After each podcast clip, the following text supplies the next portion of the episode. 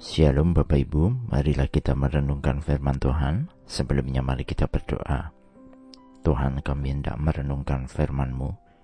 Roh Kudus pimpinlah kami. Di dalam Tuhan Yesus kami berdoa. Amin.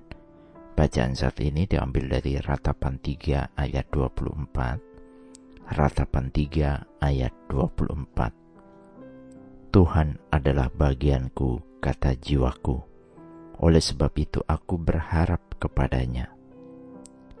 Kata bagian menurut Kamus Besar Bahasa Indonesia memiliki arti hasil membagi.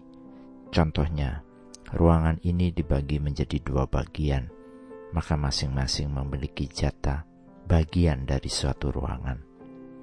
Kata bagian ini juga memiliki arti porsi yang kita miliki dan punyai. Jadi bagian dalam makna bacaan saat ini adalah ada porsi Tuhan dalam kehidupan ini. Kita itu dimiliki oleh Tuhan. Di dalam sejarah bangsa Israel, Tuhan telah membuktikan dirinya tetap setia kepada mereka walaupun mereka penuh permasalahan, dosa besar, berulang-ulang telah melakukan pelanggaran. Namun, kemurahan Tuhan yang panjang sabar senantiasa ada bagi mereka. Yeremia melihat hal-hal ini sehingga ia mengatakan, "Tuhan adalah bagianku," kata jiwaku. Oleh sebab itu, aku berharap kepadanya.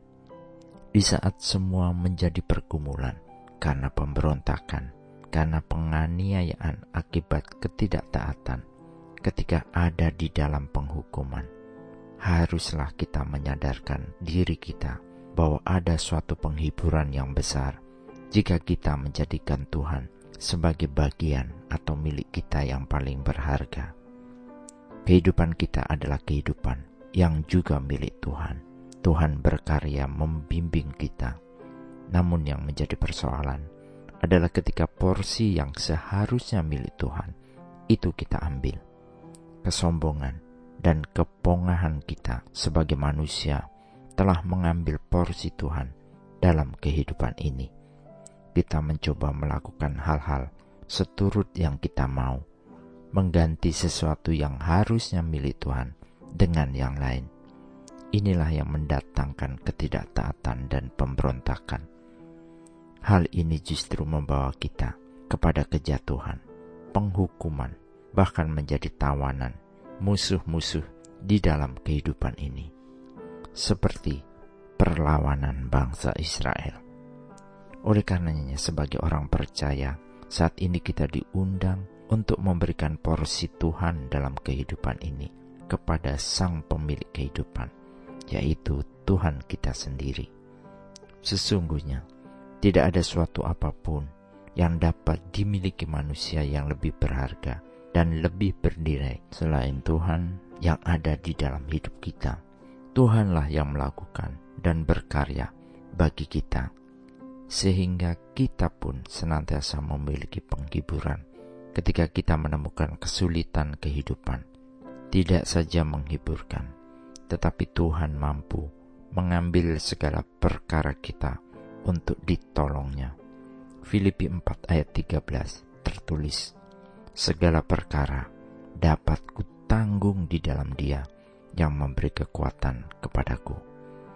Maukah kita memberikan bagian milik Tuhan dalam hidup kita kepadanya, mengembalikan porsi Tuhan kepada Tuhan yang berkarya dalam hidup kita. Amin. Mari kita berdoa.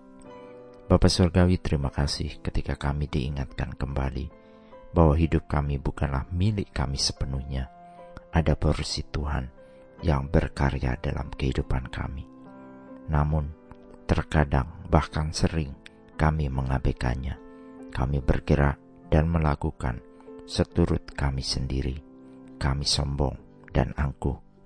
Ampuni kami ketika hidup kami tidak melibatkan Tuhan tolong kami dan pimpinlah kami senantiasa menjalani kehidupan ini. Di dalam Tuhan Yesus, kami senantiasa berdoa dan memohon. Amin. Tuhan Yesus memberkati. Shalom.